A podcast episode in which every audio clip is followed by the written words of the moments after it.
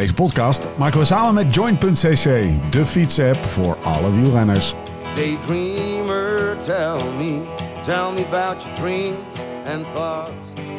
Zin om te fietsen, geen zin om te fietsen, toch gaan, jezelf op die fiets trekken. Regen, hitte, omhoog, omlaag, zweten, puffen, slechte poten, wonderbenen, genieten, kapot gaan, lostrappen, bijtanken, douchen en door. Het leven van een renner gaat niet over rozen en al helemaal niet als je jezelf wil verbeteren. Maar hoe dan? Waar moet ik nou op letten als ik gericht beter wil worden? Als ik harder of verder wil gaan? Gewoon fitter wil worden en meer wil genieten op de fiets. We gaan het hebben over trainen, eten, slapen. Zoek naar de kennis, maar vooral ook naar de tips en slimmigheidjes waar we morgen mee aan de slag kunnen. Je luistert naar de Beter Worden podcast van Live Slow Ride Fast. Rechtstreeks vanuit Hotel Valkenburg in het mooie Zuid-Limburg. Mijn naam is Steven Bolt en tegenover mij zitten ze Laurens Sendam en Jim van den Berg.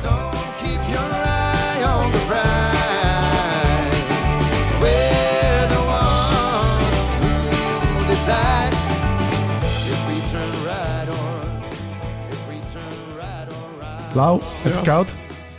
Nou, ik heb koude voeten. Ik denk, trui, ik denk trek een trui aan. Jim, vind je er wat van? Dan hebben we meteen Wat- die olifant. En, en wat voor eentje. Heeft Tessa dit uitgekocht, gezocht? Gekost, sorry. Heeft nee, nee, uitgezocht? nee. We waren in, we- kijk, ik ben in Amerika op vakantie geweest en ik heb denk ik... Ben je in Amerika op vakantie Ja, geweest? ik ben in Amerika op vakantie. nee, het was werk trouwens. Het was geen Ja, vakantie. precies. Blauwe enveloppen. Ja, Blauw pas. blauw pas. En ik heb eh, meerdere outlets van binnen gezien en deze is meegekomen, ja. Nou, Ik heb trouwens ook een cowboyjas gekocht. nee Die joh. heb je die nog niet gezien? van die flosjes? Nee, dat niet. Nou, cowboyjas. In, in Steamboat heb je Stetsons en Sons. Ja. Een cowboywinkel of een western, western workwear winkel. Ja, Winkel. straattaal. Waar gaat dit heen, jongens? Sinds 1906. Als je naar Steamboat rijdt vanaf 100 kilometer voor Steamboat Ja. staan er al reclames. Sinds 1906. Ja, Toen was het toch een beetje... volgens mij of 1806, weet ik veel. waren er toen nog veel kooiboys. Oh, toen, eh, zeg maar vanaf 1849 het, de, het westen bevolkt in Amerika. Vanwege de grote de Gold Gold Rush. Rush. Gold Rush. En eh, sinds 1906 bestond die winkel. En daar heb ik een, eh, een mooi jasje gekocht. Mooi. Ik heb Om- gewoon dingen meegenomen uit Om, Amerika. om daar even op in te haken. eh, wat, was jouw beste, over hebben? wat was jouw beste tijdrit ooit? Oeh, dat, eh, ik, ja, ik, ik zag hem staan. Ik denk toch Mont Saint-Michel 2013. Eerst 20 in de Tour. Was die drie weken geleden tijdrit. Moest er Mont. Saint-Michel was je Ja, daar? was Ja, daar, ja. Met dat eh, Echt? een, of andere, een of andere kasteel wat midden in het water Ja. staat en wat droog valt. Ja. En dan, ja, dat, Echt een hele vette plek. Nou, ja, ik, ben, gezien. ik, ben, ja, ja, ik weet nog dat ik daar een verkenning gedraaid heb, Ja. s ochtends. En dat ik toen eh, naar een hotel werd vervoerd en daar drie uurtjes mocht wachten. En, en wat eten met samen met Bouke. En tijdrit gereden, volgens mij zo snel mogelijk weg geweest daar. Dat was, ja, in de Tour zie je niet heel veel. Nee, hè? Nee. Zonde eigenlijk. Zonde, Mooi ja. land. Jim, kan jij een beetje tijd rijden? Met dat, met dat anaerobe eh, bonkige lijf van je. Nou, ik, ik kon wel aardig ploegentijdritten. Ja, maar dat vroegen we Ja, niet. Nou, daar heb je- twee profiteren. verschillende Nee, ja, nee, dat is dus niet... Ja, of ook. Ja, oké. Nee, maar Kon je anaerobe... aardig klimmen? Ja, nee, ik kan wel aardig tijd rijden. Ja, jezus. Ja, maar ploegentijdritten is ook tijdrijden. Alleen Ja. daar heb je als anaerobere renner... Ja. Hè, sprinters bijvoorbeeld, ja, die zijn best wel notoir goed in Ja. eh ploegentijdritten. Ja, waarom? Omdat meteen Ja, omdat je dus dan de hele tijd in je kopbeurt eigenlijk je anaerobe energie wat beter kwijt kan. Ja. En dan kan je in het wiel kan je weer iets herstellen. Ja. Terwijl ze misschien niet zo'n heel hoog FTP hebben. Dus als ze er het alleen moeten doen, dat je de hele tijd rond de threshold zit, Ja. dat is dan veel lastiger. Oké, hebben we hiermee meteen de ploegentijdrit, want we maken het een beetje simpel. Althans, behapbaar, laat ik het zo noemen. Eh, we gaan het over individuele tijdrit hebben vandaag. Is dat het onderwerp? Ja, als jij dat zegt, dan is dat het Ja, onderwerp. we gooien Ehm, die ploegentijd, dat laten we gewoon links liggen. Ja, die laten we gewoon even eh, links liggen. Waarom is het eigenlijk belangrijk? Want, want hoeveel mensen rijden eigenlijk tijdritjes in Ja. Nederland? Heb je daar zicht op? Ik weet, een maat van mij Ehm, die deed het nog wel eens. En dan een beetje, maar volgens mij zijn het er niet heel veel. Ik denk inderdaad wel dat de triathlon eh, community groter is. Ja, Dus- Maar die rijden dus veel tijdritten. Maar ehm, voor, volgens mij vooral bijvoorbeeld zo richting... eh, hoe heet dat? De, de Marken Waard heb je zo'n eh, zo'n vereniging. Een beetje in de Noordoostpolder. Heet dat de Marker?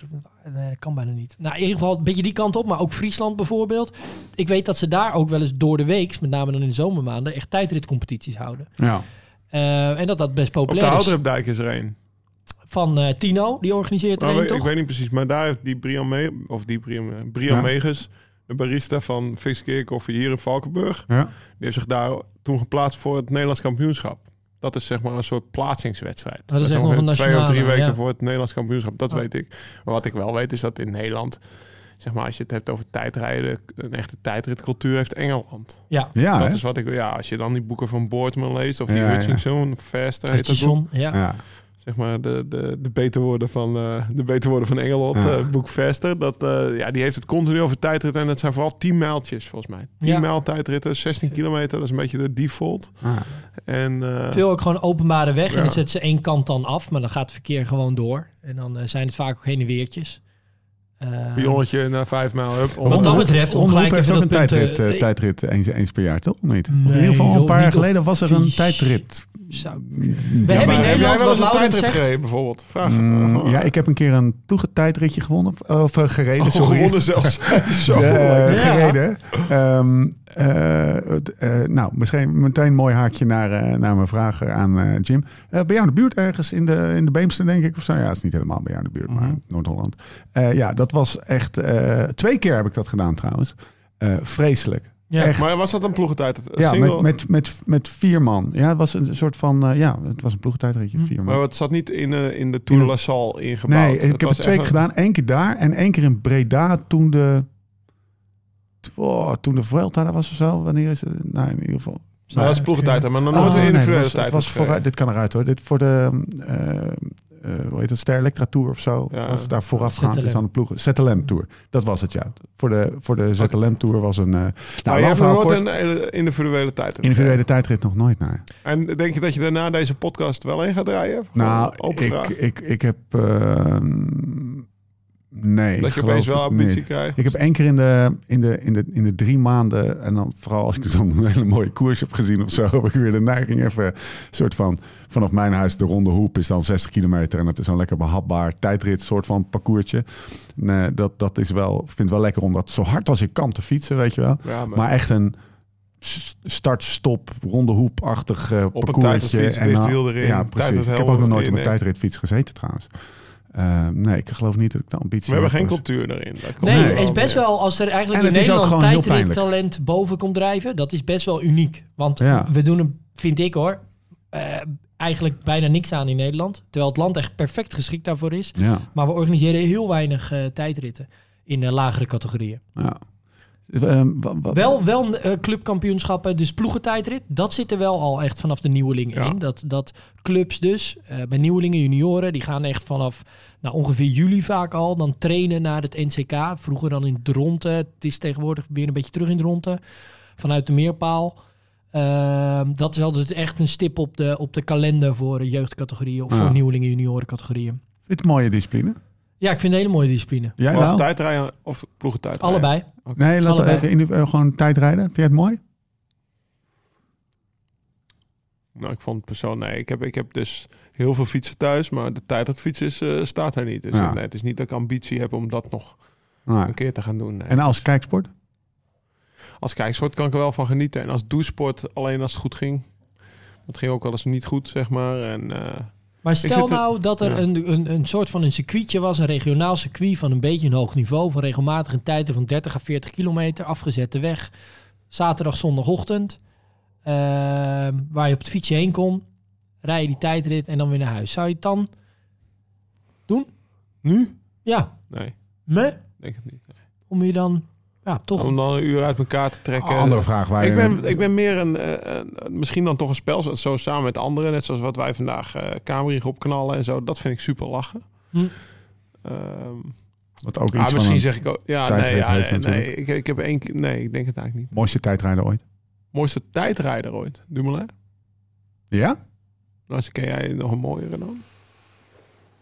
Nou, ik moet ook wel zeggen dat ik genoten heb van Miguel Indurain. Op, Ja, op de dat- tijdritfiets. Maar dat, Dat was had vooral tussen met 1 die en fiets te maken. 95, was ik tussen 11 en 15 jaar. Eh, Toen, toen, toen zag ik daar de, de. Als ik Ja. nu terugkijk naar die beelden, dan denk ik inderdaad, ja, vet. Maar Ja. toen Ah. zag ik daar de beauty misschien iets te weinig van in. Maar dat was. eh, eh, ik denk dat je dan niet ver van de waarheid zit, ook natuurlijk, natuurlijk met Inderijn.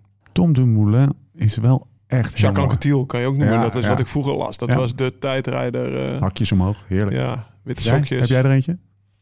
Ah, nee, niet zo. Roger Ja, Rivière, Oh, volgens de ja. overlevering, zeg maar. Ja. Ook, eh, Ja, ik moet zeggen, ik zeg, oh ja, ja, ja. maar ik moet even nooit zien even rijden, niet, weet je wel. eh, Maar, niet nee, dat zijn de verhalen Ja. van de tijdrijders, weet je. Dus het is de, Tony nog voor de Rominger. beelden. Tony Romeo was wel een beetje een, een, beetje een haker. Chris Boardman, Graham O'Brien. Je hebt ook nog die, eh, die Colombiaan toch gehad? eh, Santiago Botero. Oh, zo, soms, ja. En eh, Sergei Ja. Gonchar. Dat waren misschien Gonchar. geen mooie tijden. Dat waren wel tijdrijders die gewoon... Want jij zet, op een gegeven moment staat er ergens in de notes... eh klimmen is gewoon niet eten en lomp rammen. Maar wat deed Sergei Gonchar dan? Maar dit was om jou uit de kast te lokken. Ja, weet ik. Jammer Maar dat hij hem er zo ingooit. Wat deed, jij- wat deed Sergei Gonchar dan? Eh, ja, maar ik denk dat we veel geleerd hebben sinds die tijd. En dat het tijdrijden niet langzamer is gegaan. Is, is vanuit de inspanningsfysiologie tijdritten een, echt een aparte Ja. discipline? Ja, wel een beetje. Waarom? Nou, kijk, wat je dus probeert, en dat is dan een parallel met wat, wat maakt klimmen nou anders dan hè, een, een, een tijdrit van een uur of een klim van een uur? Waarom is dat wezenlijk een andere inspanning? Nou, dat heeft gewoon alles te maken met de houding waarin je Ja. je vermogen kwijt moet. En wat je, en da- daar probeer ik natuurlijk Laurens mee uit tent te lokken. Ja, wat je bij klimmen eigenlijk vaak probeert, hè, natuurlijk al wat verder achter op het zadel te zitten. Je gaat wat meer naar voren duwen. Je, je maximale krachtsmoment zit ja, ongeveer op twee uur in Ja. de, twee à drie uur in de, in de trapcyclus. Je bedoelt En dan zeg maar met een klok en dan... Ja, Precies. ja. eh, in de trapcyclus. En dan probeer je, en dan probeer je vaak, pak je je, Hoeveel Ja, graden is dat? handje je, hand, pak je, je handen pak je vaak boven op het stuur. Zodat Ja. je eigenlijk je heuphoek, dus de hoek tussen je benen, tussen je bovenbenen en je buik, om het even heel simpel te zeggen, die maak je eigenlijk zo groot mogelijk. Ja. En dat doe je dan omdat daar ja, de vaatstraat, de, de, de bloedvaten die daar lopen, die zet je dan ook eigenlijk maximaal open. En dan ja, trap je lekker een beetje dus naar voren, rechtop op het zadel, want de luchtweerstand is ja, nagenoeg, afhankelijk van hoe hard je bergop rijdt, niet van invloed. Wat je bij tijdrijden doet, is eigenlijk precies omgekeerd. Is dat je in zo'n klein mogelijke positie probeert, met zo'n klein mogelijke heuphoek, en dan nog steeds je vermogen kwijt kunnen. Ja. Dus het is de, de constante ja, soort van strijd tussen, tussen techniek en een potje hard fietsen. ja. En dat, dat tot in ja, perfectie eigenlijk, wat ik wel met je eens ben. Du- Dumoulin is zeker eh, natuurlijk ja, de, de, prachtig voorbeeld daarvan. In, in zo'n houding dan nog je vermogen kwijt kunnen. Wout van Aert is, vind ik bijvoorbeeld daar een slechte voorbeeld van. Want die Eh, zit rechterop. die zit vrij hoog. Ja. Dat is ook een tendens wat van meer van de laatste jaren hoor. We zijn er steeds meer achter gekomen dat het soms wel lonend is om juist wat hoger te komen te zitten. Om daarmee dus ja, beter je vermogen kwijt te kunnen. En dat de aerodynamica die zich moeilijk laat voorspellen, die je eigenlijk echt moet testen, dat het soms zo is dat iemand die twee centimeter omhoog komt, ja, qua CDA-waarde noemen we dat, hebben we het al een keer eerder Ja. over gehad in een andere podcast, De, maar de qua baklucht die die hapt. Ja. precies hoe aerodynamisch iemand is, dat die CDA-waarde dan soms wel eens gewoon helemaal niet beïnvloed wordt. Terwijl je natuurlijk verwacht, ja, iemand komt omhoog, dus dat wordt slechter. De, de aerodynamica wordt slechter, maar het hoeft niet altijd zo te zijn. Dat komt omdat dat ja, zich moeilijk laat voorspellen. En Jumbo is het voorbeeld dat ze al hun renners dat ja, perfect eigenlijk testen en, en aanpassen. En daarmee voor iedereen de optimale eh, eh, Ja. positie bepalen. Maar die wisselwerking tussen wel in die positie blijven en je vermogen kwijt kunnen, ja, dat is, dat is wel Daar zit een, tof dis- Ja, ja, dat is een toffe discipline. Misschien wel waardeloos om naar te kijken, maar wel tof om te doen volgens mij.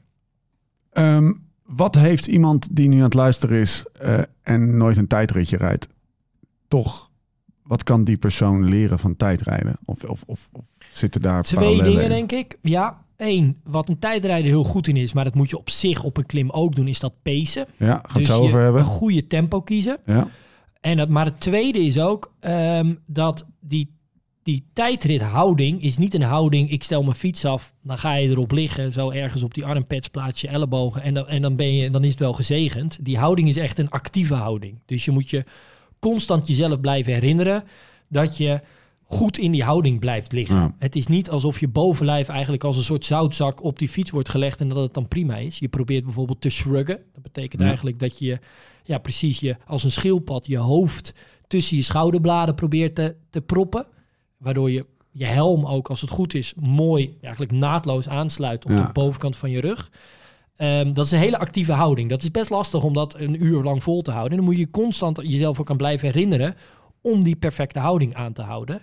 En eigenlijk ook gewoon op de wegfiets is het ook zo dat ja, juist de renner, nou, en Taken van de Horen hier ook meermaals eh, voorbij eh, gekomen, die dat ja, perfect kan, is het ook op de, de, de wegfiets, jij hebt er trouwens een notificatie voor volgens mij, dat je zelf moet blijven herinneren, Ja. als het hard gaat, dat Ja. je een goede houding, een actieve houding aanneemt. Waar, daar waar, waar, waar ik eerst heb gezegd, eh, elleboog is naar binnen, werd ik door jou mooi gecorrigeerd. Nee, nee. Ja, nee klopt. armpjes naar binnen, nee. polsjes naar binnen. Polsjes naar binnen. Ja, dan komen die ellebogen ook vanzelf wel. Mooi hè? Blauw. Eh, En afzien, nummertje drie. Want je had er twee, je zei houding en pacen. Ja, ik vind dat de twee belangrijkste, maar afzien is eh, misschien ook wel een hele goede. Afzien, eh, het is natuurlijk de meest... Gaan we romantisch worden. De meest eerlijke sportdiscipline binnen de wielersport. Peter Post die zocht zijn renners erop uit. Want een tijdrijder, Ja. ja, die kon trappen, die had vermogen, zeg maar. Dus, dus ik heb wel, ik heb natuurlijk wel dat respect voor tijdrijders gehad ook. En ik denk ook wel als je dat, hoe, hoeveel pijn ze zichzelf kunnen doen. Apart slag. Ja, de Tony Martens van deze wereld die met bebloede reet over de meet komen. Ja, die had dat schuurpapier, op ja. zijn zaal had geplakt. Die staat trouwens nog wel heel laag met zijn stuur toen. Daardoor moest hij dat, want anders schoof hij zo naar voren Ja. en zo zijn zaal. Kiepel je over zijn Ja. stuur heen. Ja, dat klopt inderdaad. Ehm, Dat dus dat afzien, ik denk dat ook wel... eh, eh, je kan geen goede tijdrijder zijn als je zelf geen pijn kan doen, volgens mij. Ja, tijdrijden vereist gewoon bizar veel dedication. Dat je, dat je in die houding ook blijft trainen. Dat je dus Ja. ook de oefeningen doet, met name dus core stability. Helaas Ja. naast de fiets, maar oefeningen naast de fiets doet om zo'n actieve houding vol te kunnen houden. Ehm, ik, ik weet bijvoorbeeld nog wel, wij, wij doen met Cycling Lab ook regelmatig aerodynamica testen, ook met wielerploegen. Maar bijvoorbeeld al een jaar of zes geleden had, eh, kwam Langeveld een, eh, een, eh, een aerodynamica test doen bij ons op de, op de wielerbaan in Sloten. En dan ging hij vervolgens ging die, ja, oefenen voor de spiegel om maar zo ja, te shruggen en zijn, zijn, zijn, ja, zijn hoofd tussen zijn schouderbladen te duwen. En dat gewoon, ja, eigenlijk iedere dag wel, wel een paar kwartier om dat, om dat maar te trainen. Om dat te kunnen doen in de wedstrijd. En dat is wat, wat tijdrijders dus ook wel uniek maakt. Die doen ook heel veel naastrainingen op de fiets. Ja. Om dat soort dingen dus te kunnen doen. En daar moet je natuurlijk wel een beetje crazy in de head voor zijn. Moeten we het eh, hebben over... ehm, over Ja, want over- dat zijn ze ook, hè? Ja, volgens Of mij... nou, dat, zo eh, worden ze ook wel neergezet. Crazy in de head. Ik bedoel, Einzelgangers, eh, Ja, volgens mij is dat wel zo, toch? We hebben, maar we hebben ook een keer gezegd dat juist klimmers, Klimmers, ja, hebben dat ook. ook wel een beetje. ja. Maar, dus, maar in, dat, het- in, in tijdrijden is volgens mij ook wel een beetje dat, dat hele extreme. Is Ik denk wel dat tegenwoordig wordt er door de ploegen zoveel voorgekoud. Ja, Dat, er minder, dat, je, dat, zeg maar, dat je minder crazy in de head hoeft te zijn om tijd. Want je wordt Hoe goed voorgekoud? Nou ja, dat materiaal is in orde.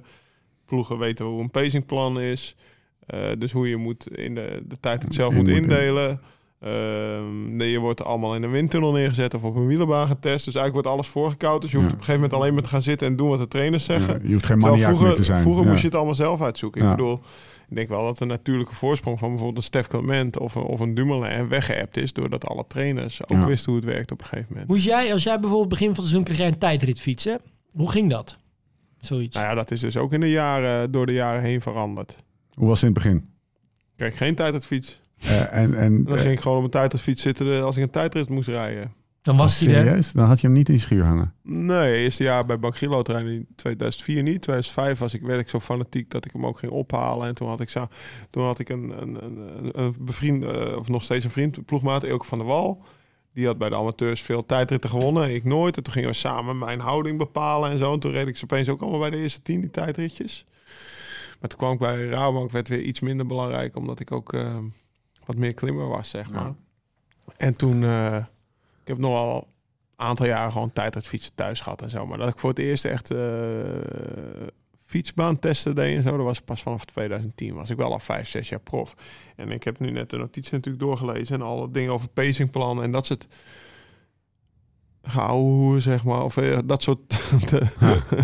dat, nee, maar dat leerde ik pas in 2017 op een gegeven moment bij Sunweb. Dat ik echt een pacingplan kreeg. En dat soort dingen. En ik, eh, ik weet nog wel, als junior heb ik het NK tijdrijden gereden. Of dan reed ik een tijdrit in de Ronde van het Heuveland. En dan was het gewoon... Pacingplan was gewoon zo hard mogelijk starten. Optrekken tot de 50. Zo heb ik ze ook nog bij de profs gereden. En dan dat gewoon zo lang mogelijk vasthouden, 50. Ja. Eh, dat is gewijzigd, hè, ik? Ja, want ik keek gewoon Ja. op mijn snelheid. Dat is veranderd. En ik, ik, ik, had eh, heel veel, ik had heel graag al geweten wat ik nu weet toen ik zo jong was. Maar dat kwam pas toen ik 36 was, die, die, die kennis. Waar, sta, waar, staan, waar staan we nu? Wat zijn een beetje de grote ontwikkelingen eh, eh, wat betreft eh, eh, ja, Ja, tijdrijden en zo hard mogelijk tijdrijden.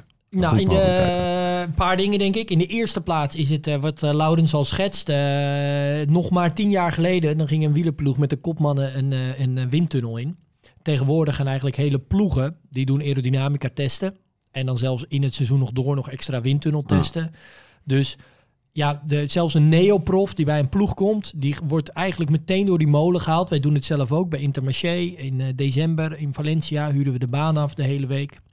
En dan in groepjes eh, ja, zijn we die tijdritposities. Dan hebben we ze al gebikefit, hebben we al posities bepaald eigenlijk, hoeken bepaald. Maar daarna gaan we nog eh, op de wielerbaan eh, ja, die posities optimaliseren.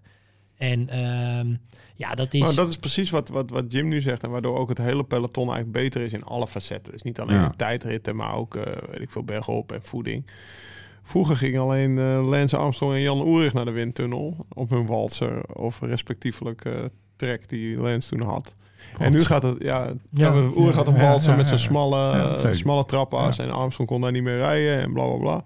En nu doen, eh, ja, doet, doet het hele peloton het. En Ja. misschien zelfs bij de junioren of bij de, bij de amateurs al, al renners. En dat is... Vind je dat jammer? Nou, Want er zit ik ook denk wel- dat het voor de natuur, zoals Stef Clement, die is honderd keer heeft hij zo'n wielerbaantest gedaan en die heeft nooit iets hoeven veranderen, want Ja. zijn CDA-waarde was perfect. Graag willen of een beetje mannetje zijn of heel veel moeite Nou, ervoor doen natuurlijk is geen hebben. differentiator meer wat dat betreft. Of Nou ja, natuurlijk talent hebben. Ja, ja. natuurlijk talent hebben. Dus die jongen die zat goed op zijn fiets. Die, Ja. eh, Leo Westra, die was Ja. denk ik ook zo'n natuurlijk Ja. talent die dat kon eh, op een of andere manier. Peeste die voor zichzelf. Dat was ook gewoon zo hard mogelijk starten. Techno er op de box, zei ik net. En dan zat Cornelis erachter met. En dan, maar die werd zo wel drie, vier keer Nederlands kampioen. Ja, nu gaat dat niet meer. Nee. Omdat er ja, gewoon... is de wet van is- de remmende voorsprong. Wat Ja. is nu de, zeg maar, hoe eh, is er een consensus over de manier waarop je een goede tijdrit rijdt? Ehm, b- Lastige eh, vraag natuurlijk. want Je hebt al- eh, altijd verschillende Even denken, qua pacing? Ja, laten we die eens pakken. Ja, wel redelijk. Maar Wel welke redelijk. mogelijke, wa- wat heb je dan nodig? Dan wil ik misschien eerst even. Je hebt de spacing, dat is dus hoe je hem indeelt. Maar wat is er nog meer nodig om een goede tijd te rijden? dan? Ja, goede positie. Eh, voldoende kennis dus over je eigen capaciteiten, waar je dus het pacingplan op aanpast. ja. Eh, goede warming-up. Ja. Ehm, ja, eigenlijk ook gewoon dat, ja, dat eetprotocol. Hè? Dus eh, Nou, goed, laten we eerst even Nou ja. Laten we, Ja, laten we dit twee als al, pakken. al die vijf, Ja, van die vijf dingen. Ik, zou, ik ben vet benieuwd naar eigenlijk elk van die vijf punten. Welke doen we eerst, Steve? Warming up. Ja, Oké, ja. Of Is daar, is daar een soort is er een de standaard beginnen- warming up? heb je nog Eigenlijk voor de warming-up heb je eten. Zullen we dan beginnen met eten? Begin maar bij het Ja, zo van ik sta op, ik Ja. ontbijt en dan. Ja, kijk, ehm, niet veel anders denk ik dan een, dan een andere maximale prestatie waarin je het uiterste van jezelf vraagt of waar je maximaal wil presteren. En eh, wat er in het tijdrijden, net zoals bij be- belangrijke bergetappes gebeurt, is vaak dat er al één of twee dagen vezelarm wordt gegeten.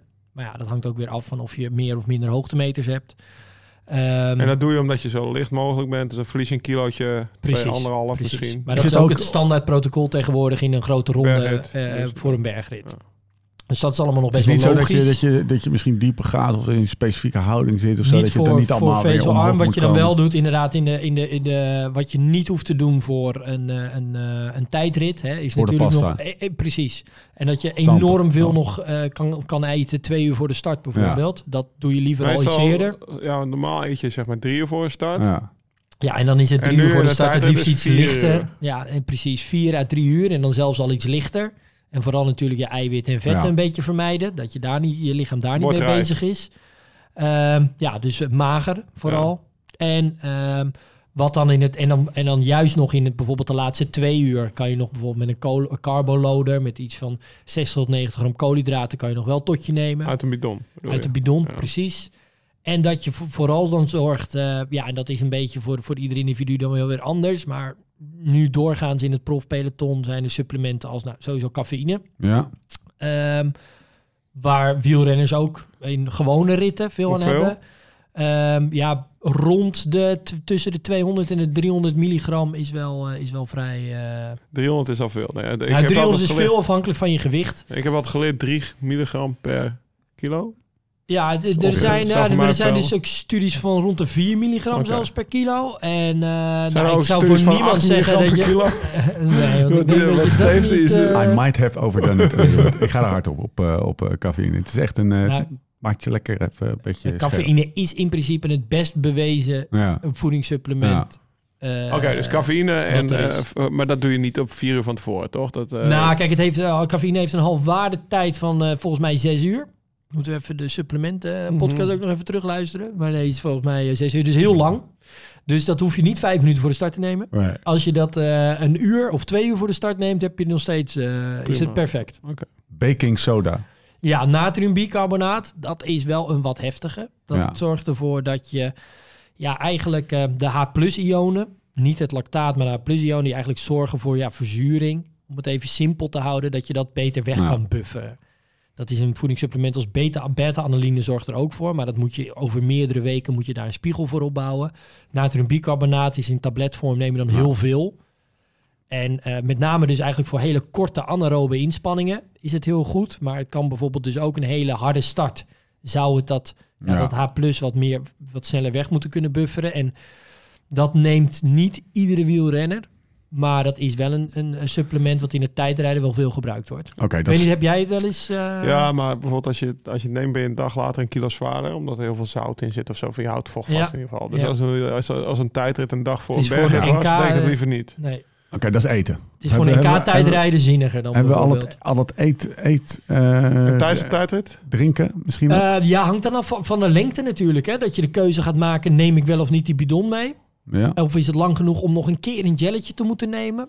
Of denk ik toch het wel uit te kunnen zingen? Het is wel zo, je moet niet denken dat... eh, kijk, als je lichaam als een tijdrit bijvoorbeeld 45 minuten, 60 minuten duurt... en je zou op minuut 30 bijvoorbeeld nog een jelletje kunnen nemen... Op een, terwijl je niet te veel uit de houding hoeft te komen... dan heb je misschien sec genomen, niet zo gek veel aan die koolhydraten... maar het geeft toch een signaal af aan het lichaam van... ja, het, het komt ook wel weer binnen. Dus het, eh, er zijn wel Ja. degelijk ook studies die laten You're zien dat dat wel de prestatie kan verbeteren. Ja. Maar ja, moet je daarvoor eh, eh, drie minuten rechtop op je fiets gaan zitten... dan heb je er natuurlijk helemaal niks Ja. aan. Oké, Geldt ook een beetje dus- voor het drinken namelijk. Ja, want wat is jouw... Heb je daar een leidraad voor? Tijdrit tot een half uur nam ik nooit bidon mee. Zeker niet. Nou, ik denk dat dat best wel een stelregel kan zijn, ja. ja. Maar eh, kijk, veel mensen denken misschien al snel een uur. Ik heb geen bidon of eten nodig. En, en- dan, en- eh, dan nam ik wel wat mee hoor. precies, dat, daar moet je je niet in vergissen. Ik denk dat je, dat je eigenlijk alles over het half uur al wel een halve bidon mee wil nemen. Ja. Oké, warming up. volgende, warming up. Ja, warming up is wel een leuke, want warming up zijn eigenlijk een beetje, eh, nou, weer even tien jaar geleden bijvoorbeeld. Nou, sowieso heb je trouwens nog steeds, Thomas de Gent fietst nog steeds rond. En ik heb het ook meegemaakt bij Vakansolei. Die, die deed echt drie kniebuigingen. En dat was ook een beetje een running gag Doet ook geworden. geen massage, was, toch? Weet je wel, dat was ook geen geheim. Eh, ja, die stapte na drie kniebuigingen, stapte hij op de fiets. Ja, op zich heeft gewoon... Het, er is aangetoond dat dat niet werkt. Eh, en dat het echt wel degelijk zin heeft om een goede warming-up te doen. Alleen waar ze vroeger nog wel eens echt ja, een soort van de pijp nog flink uitrookten, ehm, zijn we er tegenwoordig wel achter gekomen dat een warming-up eigenlijk vooral lang genoeg moet zijn. Ja. En dan heb je het over 20, 25 minuten Heb je, wel. nu, heb je nu over een warming up in het algemeen of specifiek voor tijdrijden? In het, eh, nou ja, in- kijk, in het algemeen, ja, als jij een prestatie doet van vijf uur, waarin Ja, het eerste uur vrij rustig aan wordt gedaan, Ja. zou ik daar niet te veel eh, koolhydraten verspillen. Wat is er specifiek voor warming-up. tijdrijden? Dat je, dat je meteen een prestatie moet leveren.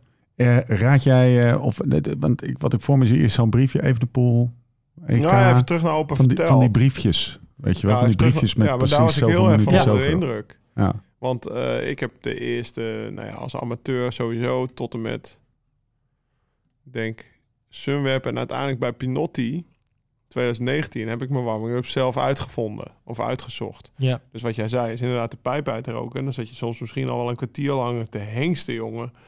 Dat je denkt, eh, ik Ja. heb ook Robert, Robert Geesink was er ook heel goed in. Die ging altijd, die, die deed me toch een warming-up van een uur en hard. En, eh, en Christian Hierman deed dat ook. En ik zelf deed daar, ja, daar ga je dan een beetje in mee. En dan achteraf denk je van, misschien was ik echt wel al wat energie en, en afzien kwijt Ah. voor dat uur tijdrit wat er ging Ja. komen. En toen kreeg ik bij Sunweb, maar ook eh, later bij, bij CCC van Pinotti, Marco Pinotti, echt een warming-up protocol. Wat bestond uit eh, nou ja, misschien 20 minuutjes met een aantal stijgerrondjes. Echt niet te hard beginnen. eh, wel, en, Eigenlijk was Julich toen bij Sky, dat was een beetje volgens mij begon? de eerste die toen zei van 20, 25 minuten. En dan zat er eigenlijk ehm, vooral even een blok van eh 10, 12 minuten. Gewoon rustig aan, extensief Ja. eh, fietsen. En dan een steigerung van 7 à 8 minuten. Waarbij je dus iedere minuut een beetje zwaarder gaat. Ja. En de laatste minuut op je FTP zit. Ja, Zelfs niet daarboven. Die ging best snel voorbij. Zo, oké, ja. ja. En dan zat je al hè, dan niet boven je FTP, maar echt in die 7 à 8 minuten op je FTP. Eh, en dan nog twee, drie minuutjes losfietsen. Paar even hele korte sprintjes, fel aanzetten. En dan was je klaar. Dit Is, is er, een- is, er, 25 is er een soort van consensus Dit- over... Dat is, als ik is nu hem inderdaad precies, vies ja. moet geven. Ja. Ja, dit is, dit is bij heel veel ploegen. Ja. Ja. En, En, als ik eh, nu en ook Remco advies... deed dat dus ook al in 2019. Want ik zag al die briefjes op de bus hangen tijdens het EK tijdrijden in Alkmaar. Alkmaar, ja. EK Ja. Europees kampioenschap. Won hij op zijn negentiende. Ja. En toen dacht ik, ja gast joh, op je 19 al zo dialed. En er stond ook bij precies wanneer hij zijn laatste gelletje nog even wel moest nemen. Maar bijvoorbeeld in de 20 minuten test, ook in Join, er zit een warming-up protocolletje Ja. voor de 20 minuten test. Nou, dat is dat Dit protocol. En als, je, als ik nou iemand moet adviseren van, joh, je begint hier net mee, je gaat je eerste tijdrit doen, begin dan daarmee. En ga het echt minimaal een keer of drie doen, om er dan achter te komen, wil ik nog ergens een minuutje langer of korter maken. Maar ik zou dit echt als, eh, ja, best wel een beetje de standaard. Dat is warming-up. Ja. Welke missen we dan nog? Ja, we, pacing. we gaan starten. Nou, dan is het wel van belang dat je je Ah, shit ja. op orde hebt en dat je snel start. Want een warming-up waar je daarna nog helemaal Ja. afkoelt. Hoeveel mag Niet er maximaal tijd tussen eh, ja. Precies. En vooral ook met niet te veel stress. Dus niet dat dan nog dat nummer opgespeld moet worden. Of dat Ja, of- fratsen. of- Of, of, eh, eh, mijn helm is toch kwijt. ja, of gewoon eh, iemand die, Waar is de eh, start ook alweer? Ja, of iemand die niet goed vasthoudt. Daar krijg je ook stress van. Dus dat is niet een optimale start van een tijdrit. nee, toch? dat is geen optimale start. Nee. Nee. Maar je hebt bijvoorbeeld ook... Ja, ik, nee, maar je- dat klopt wel wat je zegt. Want bij, bij, bij de UCI-course wordt, wordt dan je fiets gecontroleerd. ja. en dat Ah, ja. doe je dus altijd voordat je aan je warming begint. Dan weet je al, je fiets is goed. Zodat je daarna direct... En hij moet, je bent met de paddock uit geweest. Dus je moet, hij moet nog een keer worden gecontroleerd. Maar dat is vaak een formaliteit. Want Oh. Ja, je gaat niet meer aan je fiets sleutelen. Maar als je zeg maar 10 minuten voor je tijd het aankomt. Want vaak ging ik 10 minuten voor de start van de rollen af. Ja. Nog één plasje doen. eh, de helm opzetten. Want je doet je warming op zonder helm. Want anders is je helemaal beslagen en weet ik wat. Ja. eh. en dan na de tijd het van tevoren zocht ik ook altijd al de weg uit naar de start. Dat je niet nog even de stress hebt van verkeerd rijden of zo. Nou ja, nou hoor je, ik ben er weer met dezelfde fiets. Controleren maar. Ik ga zitten. Een paar slokjes Ja. doorslessen nog en, en we gaan. Maar eh, je moet inderdaad de stress wel uitbannen. Dat Maar is, is dit, zeg maar, de, je hebt, je hebt zeg maar het protocol van de warming-up en je pacingplan. Daar gaan we het zo echt over hebben, want dat is eh, hartstikke interessant. Maar gewoon de hele dag van zo'n tijdrit, dat je helft van de Ja. dag reed, is dat, was dat in jouw tijd al de uitgeschreven en is dat nu helemaal zo. uitgeschreven? Ja, nou de verkenning ochtends en zo. Dag tijden wel, want je gaat natuurlijk mee in de ploeg van... oké, we gaan nu met de camper daar naartoe. We gaan met z'n allen verkennen. Ja.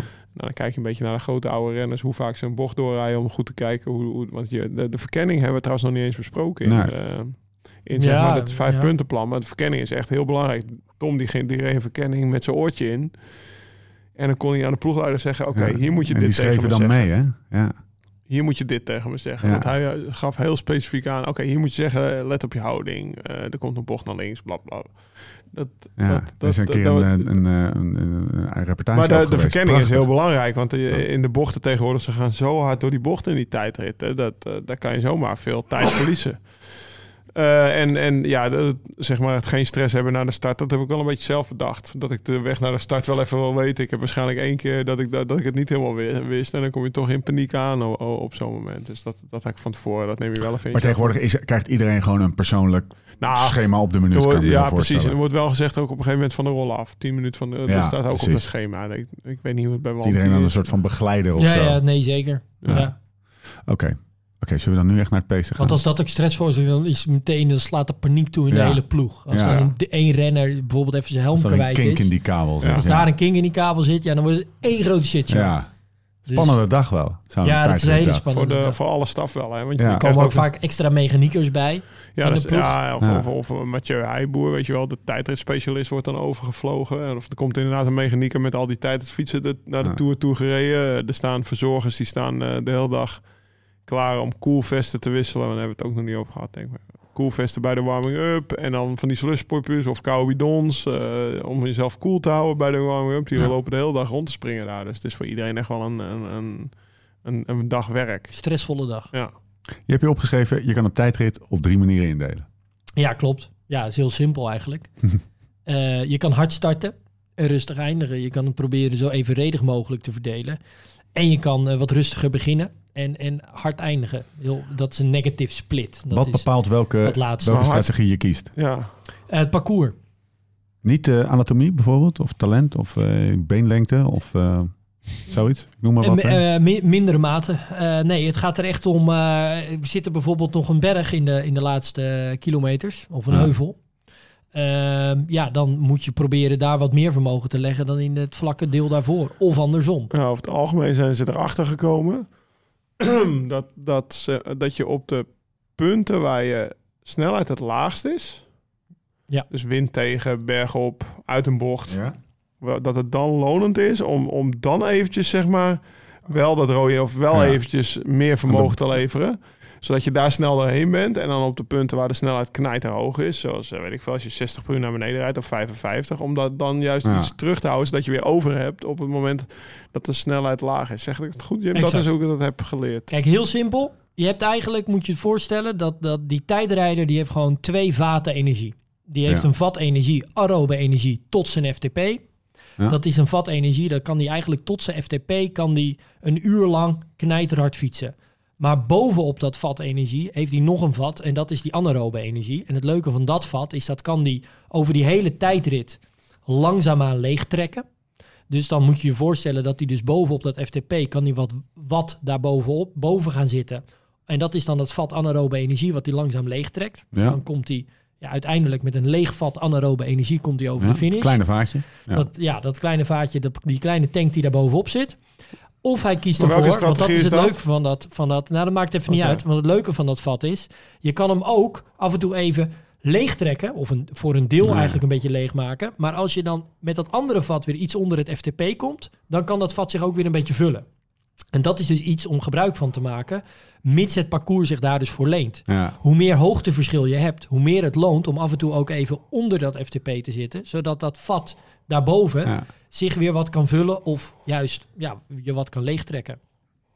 Dus dat is waarom het zin heeft om bijvoorbeeld na een bocht eventjes vol aan te zetten, waarmee je echt ver boven dat FTP komt, iets uit dat anaerobe vat zit, Ja. dan snel in de houding en goed die positie aan te nemen, Ja. waarbij vervolgens je iets onder dat FTP dat vaatje weer wat kan laten, ja, kan, kan, kan vullen. Je hebt, me- ja, je hebt die koptelefoon niet op. Je Ja, hij is echt in slaap gevallen. Je zit echt me- Nee, je zit zit echt mega- ik zit in Ja, dit was een mooie ding. slaap, toch? Dit kan eruit hoor, maar die zit mega. Luca, I am your father. Oh. Oké. ehm, hey, en ehm, ja, oké. Dit is? Dus ja, zo- twee vaatjes en, eh, en afhankelijk van het parcours kan het andere eh, kan je soms er wat overheen, eh, waardoor het ene vaatje Ja, het maar de bovenste vaatje truc leeg is trekt. dus vooral, hè, en dat kan je gewoon een wiskundig model op loslaten. En ze hebben dat bijvoorbeeld ook wel eens gedaan. Dat ze hebben gezegd van, nou, op de, de stijgingspercentages plus 10% en Ja. min 10% en windsnelheden plus 10 Ja. meter per seconde wind tegen, min 10 wens- Ja, ja, ja, ja. meter per seconde wind mee. Gaan we gewoon in dat vermogen, gaan we ook 10% boven het FTP Ja. en 10% onder het FTP variëren. En dat was bijvoorbeeld op een tijdrit van 40 kilometer. Dus dit is de ingewikkelde uitleg van precies wat Laurens zegt. Op de punten waarop het wat langzamer gaat, Ja, meer energie, dus harder gaan, meer vermogen. En dan op een tijdrit van 40 kilometer kan je dan heel mooi uitrekenen dat de, die tijdrijder dan van 70 kilo met bepaalde eigenschappen, die was dan 26 seconden sneller. Ja, Terwijl het gemiddeld vermogen aan het einde van die tijdrit precies hetzelfde is. ja. Oké. eh, Snap je? Re- Ja, ik, ik begrijp het. Ik En, en ik, wil, ik, ben even, ik ben even vooral even benieuwd hoe het dan concreet zo'n pacingstrategie eruit ziet voor, eh, laten we zeggen, een vlakke tijdrit. Of misschien, nou, moet Ja, zelf is dus helemaal vlak. San zonder, Benedetto de zonder Tronto is bochten. niet zo heel interessant hier, denk ik. Maar misschien... eh, Nee, maar even het ultieme voorbeeld van een, een heel vlak parcours zonder Ja. bochten. Dan hoef je eigenlijk maar één keer die fiets op te trekken. Nou, Ja. daar gebruik je een beetje anaerobe energie. Ja, Maar voor de rest ga je die anaerobe energie nou eigenlijk helemaal uitsmeren over die tijdrit. ja, precies. Maar die tijdrit bestaat niet. Ja, eentje. Bijna. Ja, een, een werelduurrecord. Eh, nee, en dat zijn- nou, San Benedetto del Tronto. De jaarlijkse dat, eh, in Tirreno Adriatico is gewoon vrij vlak. Oh ja. zit ja. niks in. En zo'n terugdraaiende bocht zit daarin, toch? Ja, ja, En, nou, en dat is dus, nou, dat, dan kan je dat dus doen. Ehm, maar vaak als je dus wel die bochten hebt of wat meer hoogteverschil. En dan afhankelijk van waar je meer of minder hoogteverschil hebt. Maar ook weer wat voor type renner het is. Want hoe meer jij eigenlijk een anaerobe renner bent met een wat grotere anaerobe tank. dan kan je dus ook die vermogensvariabiliteit... Ja. kan je dan ook wat groter maken. Nou, Ben jij wat meer type Laurensendam, dan kies je er waarschijnlijk voor een pacing-strategie dat het iets constanter is. Is het ook variabel? Probeer je ook na die bochten harder op te trekken en bergop kan je ja, natuurlijk meer je kracht kwijt dan in de afdaling. Dus daar moet je meer leveren. Hoe, Maar- conc- hoe concreet en, en voorgeschreven is dat? Is dat, is dat ja, Lau? Hoe, Ik kreeg voor het eerst kreeg ik in eh 2016 dus zo'n velletje van onze...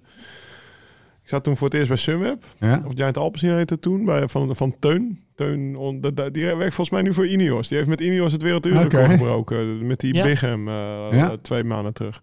Dus die was toen wetenschapper voor DSM. Of, eh, en die kreeg ik voor het eerst de Amgen Tour reed toen. En ik was, stond goed in het klassement. Kreeg ik inderdaad zo'n velletje met het parcours.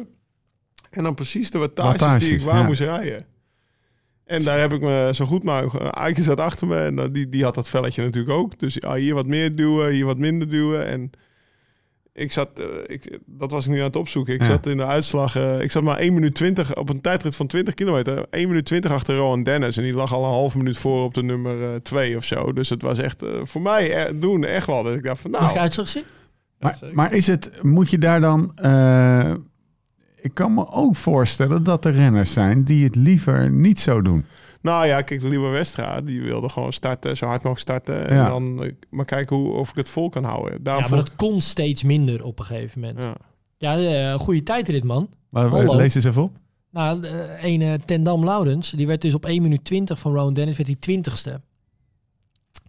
Ehm, Maar zaten wel allemaal redelijk goede tijdritters eh, rijders absoluut, absoluut. rond en voor. En was gewoon, maar dat was voor het eerst dat ik daar. Maar daar En ik hield had- je daar dan aan? Ja. Minuutje achter Kon je, kon je dat, werkt het motiverend? Nou, wel als je de wattages kan trappen die je op dat moment moet trappen, dan werkt het wel motiverend. Ja. Ja. Zodat je eh, bergop aan het fietsen bent. Ja, je moet 450 rijden en kijk een keer naar het telletje en denk, oh, nou, ik rijd 450, 4, Ja. eh, rond de 450. Ah, top, ik ben lekker bezig, weet Ja. je wel. Dus wat dat betreft werkt het wel motiverend. Het is natuurlijk, het is natuurlijk weer iets van je bordje af. Want normaal Ja. rij je altijd een beetje in het onbekende Ja. van. eh, en nu weet je gewoon, als ik deze wattage rijd, gaat het een goede tijd worden. Kan het ook blokkerend werken? Dat je denkt dan, dat je de eerste vijf minuten Ik van de tijdrit, Ja, dat je ze niet haalt. Dat je dan helemaal in paniek schiet en eigenlijk best wel goede benen anders had gehad. En eh, in de tweede helft er doorheen kon komen. Ja, misschien. Of is dat... Maar ja, als je slechte benen hebt, heb je slechte benen, denk ik dan. Je maar beter goed voorbereid zijn. toch? Nou, ik, ik, ik, maar in de paniek schieten heeft Steve Ja, precies. Maar daar ben je ongeschikt voor de profsport, toch? Weet je? ja. ja. nee, ja, maar kijk, ja, dat is. Nou, het leuke wel van tijdrijden is. Nee, je kan jezelf wel je tegen, je kan jezelf behoorlijk tegenkomen. En, en, daar, en daar kan je weer van leren naar je volgende tijdrit toe. Ja. En, en daarmee Ja, bezig Maar het is zijn. geen reden om te zeggen, nou bij die rennen doen we geen het is geen, pacingstrategie. nee, dat vind ik, dat denk ik niet. Iedereen heeft tegenwoordig een pacingstrategie. Nou ja, als je hem dan nog Tot niet hebt, dan kan ik meteen een, een tooltje aanraden waar ik zelf echt ook Oh. lyrisch over ben. Eh het is een website, Best Bike Split. Ja? En dat is een website, daar moet je wel een accountje op aanmaken. Maar dan kan je zelfs ook met ja, je CDA-waardes... ehm, eh, en zelfs een, het zit een voorspellende functie op qua weer. En je laat dan het parcours in. Dus je, de, de, de, de TCX hè, van, je, van je parcours kan je inladen. Eh, of de GPX van je parcours kan je daarop inladen. En dan gaat hij voor jou, mag je ook zeggen hoeveel intervalpunten je wil. Dus wil je een heel gecompliceerd pacingplan, wat je natuurlijk nooit kan onthouden. Nee. Of wil je een wat minder gecompliceerd pacingplan? en dan kan je ook op basis van je, van je FTP en zo gaat hij voorspellen hoe snel je erover doet. En dat doet hij echt best aardig. Ehm, maar hij kan je ook dus dat pacingplan dan laten zien. En dan vertelt hij, nou, dan, dan daar dus wat harder. en Maar ik denk dat veel ploegen daarmee werken. hè? Ja, 100 procent. Ja, eh, veel ploegen werken Dit is wat Teun van. Erp eh, toen ook deed. ja. En, en wat nu eh, voor, Dus eh, dat is voor gewoon iedere voor iedereen recreatieve je eigen Teun van Erp. Maar dan in een website. Oh, shit, ga gewoon een keer tijd Maar ik denk rijden. ook dat je daarvoor een soort testje, of nou ja, voor, om het echt goed te doen, wat Teun van Erp dus ook deed, want je hebt het over die... die Je die- inputvariabelen moeten wel goed zijn, zeg Nou ja, de, je Ja, hebt het over de, ja, dus je FTP moet kloppen. Ja, eigenlijk ook je CDA dus. Hè. Is, ja, dat is om de tijd te weten, maar niet voor je pacingplan waarschijnlijk. Ja, Nee. misschien omdat dan de tijd dan Nee, is. klopt. Maar, Nee, je hebt gelijk. eh, maar volgens mij moet het- die anaerobe tank, Ja. zeg maar de grootte van die tank wist Teun ook op. Door een 1, 3 en eh 5, minuten test te doen. Klopt. Wist hij bij wijze van spreken hoe groot mijn anaerobe Dus dan wist hij ook hoeveel ik moest variabelen Ja. en hoeveel Tom kan variabelen, zeg maar. Dat, was, dat is dan next level eh, best, best bike split, denk ik. Ja, dat is waar. Dat is je zelf checken. gelijk in. Ehm, Dan maak even kijken. Materiaal.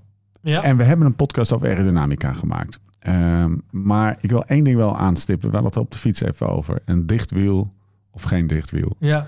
Ehm, wa- wat is de overweging daarbij? Afgezien dat het er heel vet uitziet en Heel dat het vet. heel goed klinkt. Ja, Ja, nee, dat je echt wel moet afvragen. Eh, En heel goed er- voor moraal. Ja, maar het is wel eigenlijk in bijna alle gevallen een stukje zwaarder Ja, dan open wielen. ja.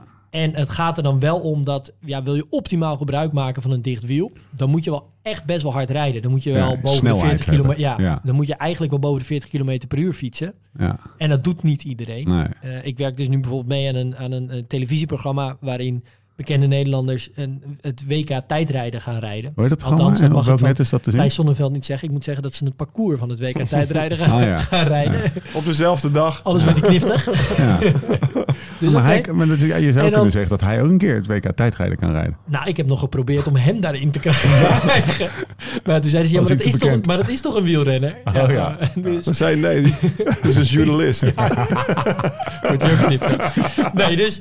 ehm, maar daar was het ook van, ja, weet je, we moeten dichte wiel rijden. Ja, ik zei, maar, nou ja, weet je, dat hoeft eigenlijk niet. En dan, en dan heb ik ook voorgerekend dat juist met een open, eh, lichter wiel... Ja? Zou die eh, sneller zijn? zou- ga- ja, zijn ze sneller. En dat is ook... Omdat ze en onder dat- de 40 rijden. En dat is ook eigenlijk ook altijd weapon of choice bij triatleten. Die dat ook hè, in de top van de triathlon. Ja, als je 180 rijden ze ook niet met dichte Nee, wielen. Omdat je, eh, ja, omdat je eigenlijk gewoon bij die snelheden...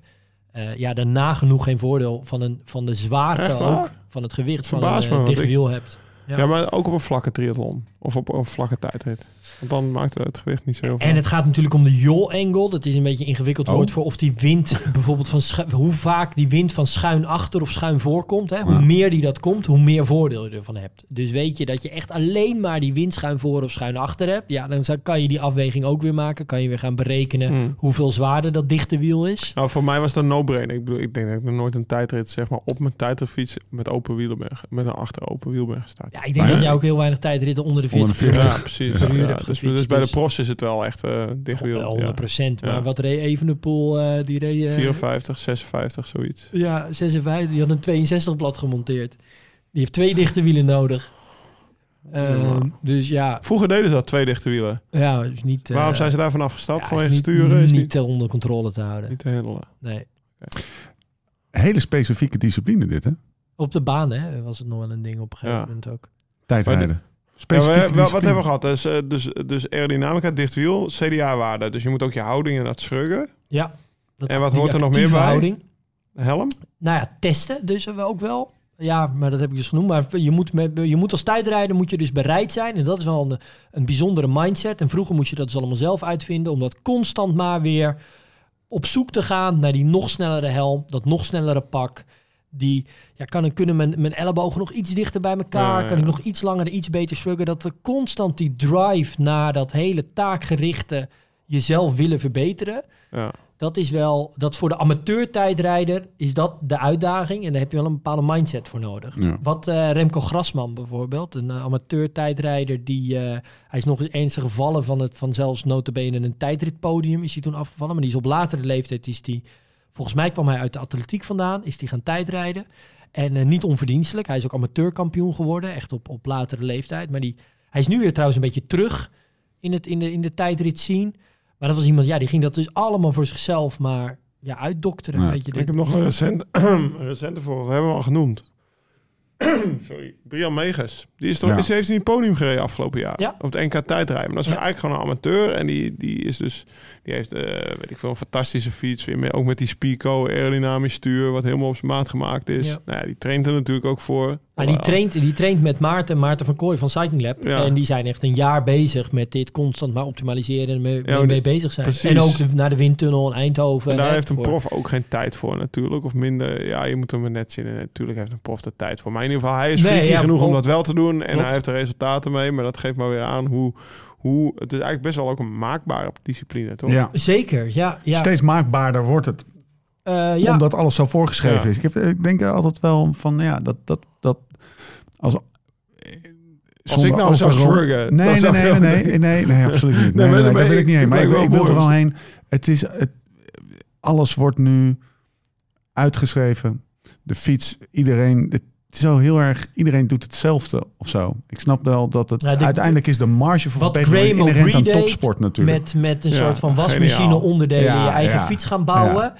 Ja, dat, dat, Ja, dat kan je ook nu gaan proberen. Nee, dat maar daar zit het- hem niet de meer in. vooruitgang, Dat zeg is maar. precies, dat is nu De ingehaald. marge ja. wordt alleen steeds kleiner en, en die, uiteindelijk komt het wel op de schouders van de, van de, van de, van de coureur, van de atleet zelf terecht. Ja, Dat omdat die- hij zelf ook wel... Kijk, want dat is het wel. Het wordt wel in veel maken. ploegen aangereikt. Maar je moet ook nog wel binnen je intern Ja. in je ploeg... Hè, dat, daar wordt Victor Kampenaerts ook om geroemd bij Lotto. Dat hij dat die daar ehm, ja, een stuk cultuur meebrengt. ja, om om ja, dingen te optimaliseren. Op, op, op zoek Ja. te gaan naar het beste. Eh, dat moet er wel in zitten. Maar je hebt gelijk, het wordt steeds meer aangereikt. Waardoor ja, die kwaliteit minder komt bovendrijven. Denk dat je is, dat best, dat is misschien best misschien jammer. ook kan straks. Omdat, Ja. Omdat het hij het allemaal al heeft terwijl hij het krijgt Ja. en, en Victor het zelf uit moest vinden. Precies. Ja, ja, dat is waar. Of dat is waar, dat zou zo kunnen zijn. Ik heb ja. wel altijd, en de fietsindustrie gaat er ook wel een beetje, dan gaan we langzaam afronden hoor, maar dat is toch nog wel een ding. Ehm, de fietsindustrie stopt heel veel tijd en geld. En een wielenploeg stopt heel veel tijd en geld en trainingsdagen en testdagen en, en Jim van der Bergs in beter tijdrijden. En dan heb je een Vuelta en dan zit daar een, een ploegentijdrit in en een, nog een kort, wat was het, 30 kilometer. De, de rol van het tijdrijden in grote rondes wordt ook wel, nou ja, die is wel, die is wel echt minder geworden. Ja, ja, Eh, het zal ongetwijfeld met golfbewegingen gaan. Dus het gaat op een gegeven moment ook wel weer eh, naar, naar wat is Menchoff in Rome. Of 60 kilometer of zo toch? Of Milaan. Nou, ik, ik zal nooit vergeten dat Gert-Jan Teunissen eh, in zijn gloriejaren tijdritten van 73 kilometer Ja. moest rijden. En dan zei hij, ja, dan was ik net gestart en dan zag ik een bordje staan, 70 kilometer. Hij zei, oké, want er staan al om de vijf kilometer staat die borden. Hij zei, daar krijg ik zo'n geen moraal van. Nee, voor alweer voorstellen. vijf minuten op Inderrijn of zeven Ja. minuten op Inderrijn waarschijnlijk. Ja, was het alweer voorbij, weet je wel. Maar die, die, ehm, die, dat is natuurlijk... eh, gaan de ploegen daar eigenlijk... ehm, ik weet dat Movistar bijvoorbeeld daar voor mijn gevoel... misschien eh, corrigeer me als ik het verkeerd heb... eh, op een gegeven moment zeggen van ja, de, we moeten zoveel doen... om in zo'n kleine discipline beter te worden. We Ja. kiezen ervoor om op een, ons geld in andere dingen te stoppen. Of een, eh, ik vind het altijd wel vreemd Nou, dat het bij- dan zo'n klein onderdeel... maar van de totale sport uitmaakt. Klopt. Terwijl het wel heel veel aandacht vraagt. En geld, dat mijn punt. Ja, en dat staat dus eigenlijk eh, al niet meer echt in verhouding. Nee. Want wat bijvoorbeeld Jumbo doet dat voor de hele ploeg. Hè, zijn ze Ja. echt aan het optimaliseren. Maar eigenlijk eh, voor Ligt er 20 30 renners is het leuk op een nationale kampioenschap Ja. om er wat mee te doen. Ja. Weet je wel, die gaan nooit klassement rijden. Ja. Hoort het wel in een... eh, eh, ja, dat is natuurlijk... is het, dit- Ja, Nou, waar ik wel hoort, het in, hoort het in de grote nou, kijk, wat wel zo is, als je... nemen we dat als- zomaar ik aan denk dat het wel dat het, dat het voor, voor alle profirenners, voor iedere wielrenner wel goed is om regelmatig ook trainingen of intervallen te doen op de tijdritfiets. ja. Net even die andere houding, waar iets anders van je gevraagd wordt. Ja. Ehm, hè, de manier waarop je, waarop je trapt, waarop je fietst, waarop je zit, is net even anders. Ja. Om daar gewoon één keer per week eh, eh, ook eh, je tijdritfiets te pakken. Ik kan absoluut bijdragen ook voor de prestatie op de gewone fiets. ja. Maar niet iedere wielrenner Nee, doet maar- dat. Maar het is een, punt is een beetje, het is een andere discipline. Alsof Ja, je met voetballen zegt, ja, we doen ook nog even 10 minuten latje trap of zo.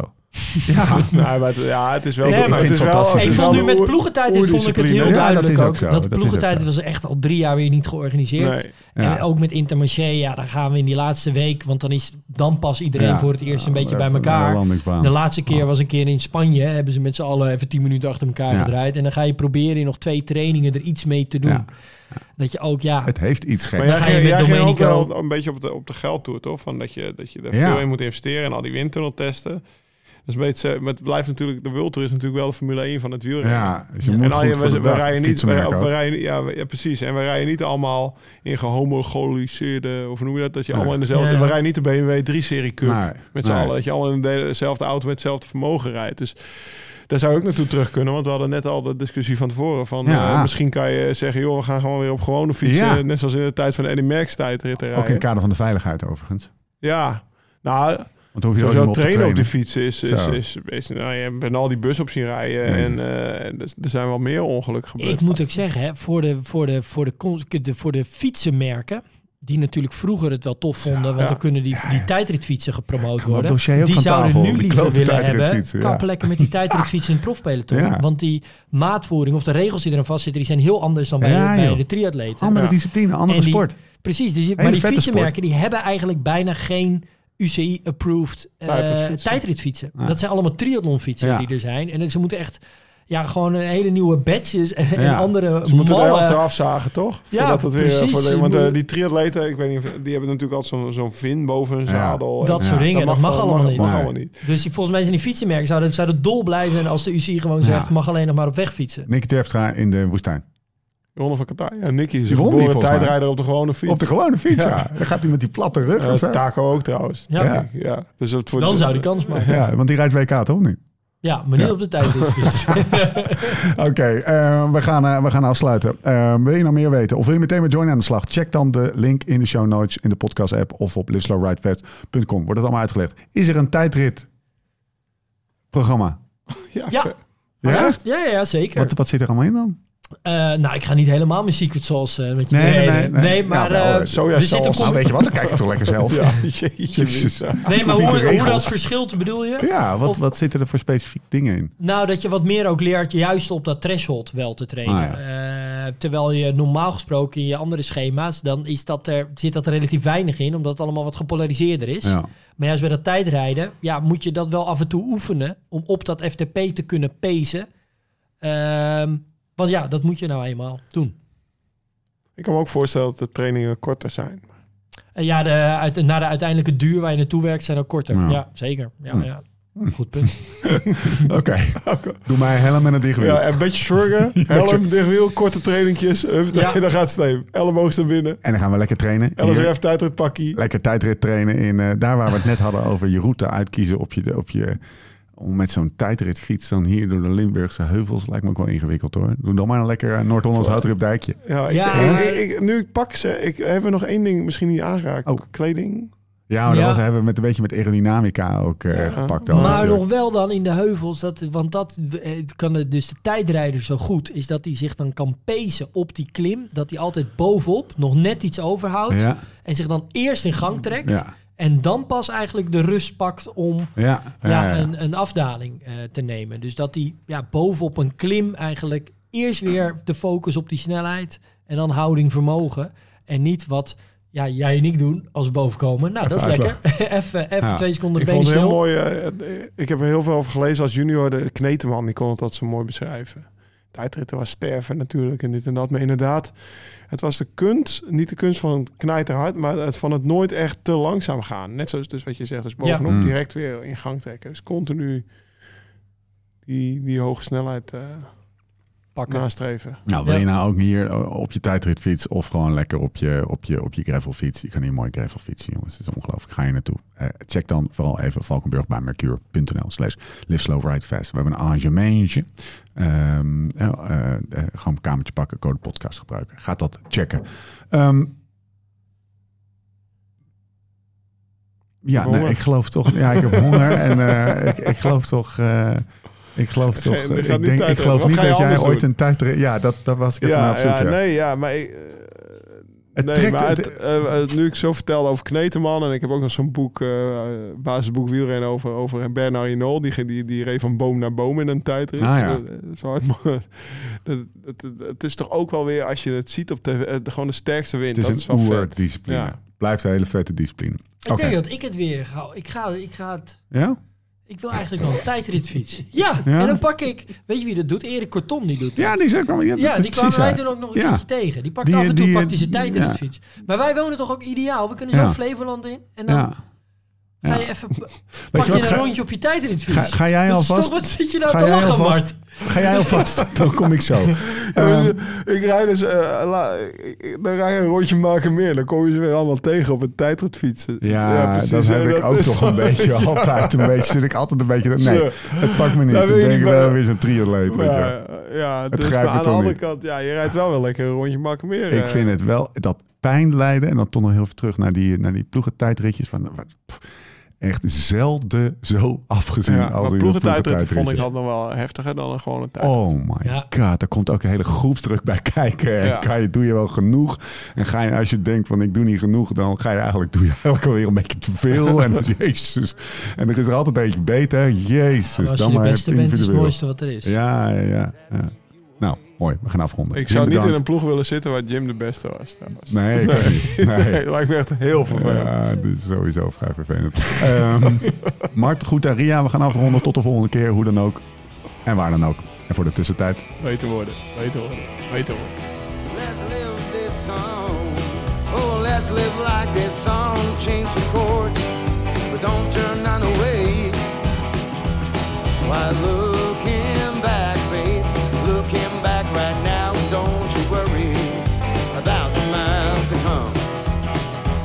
stars that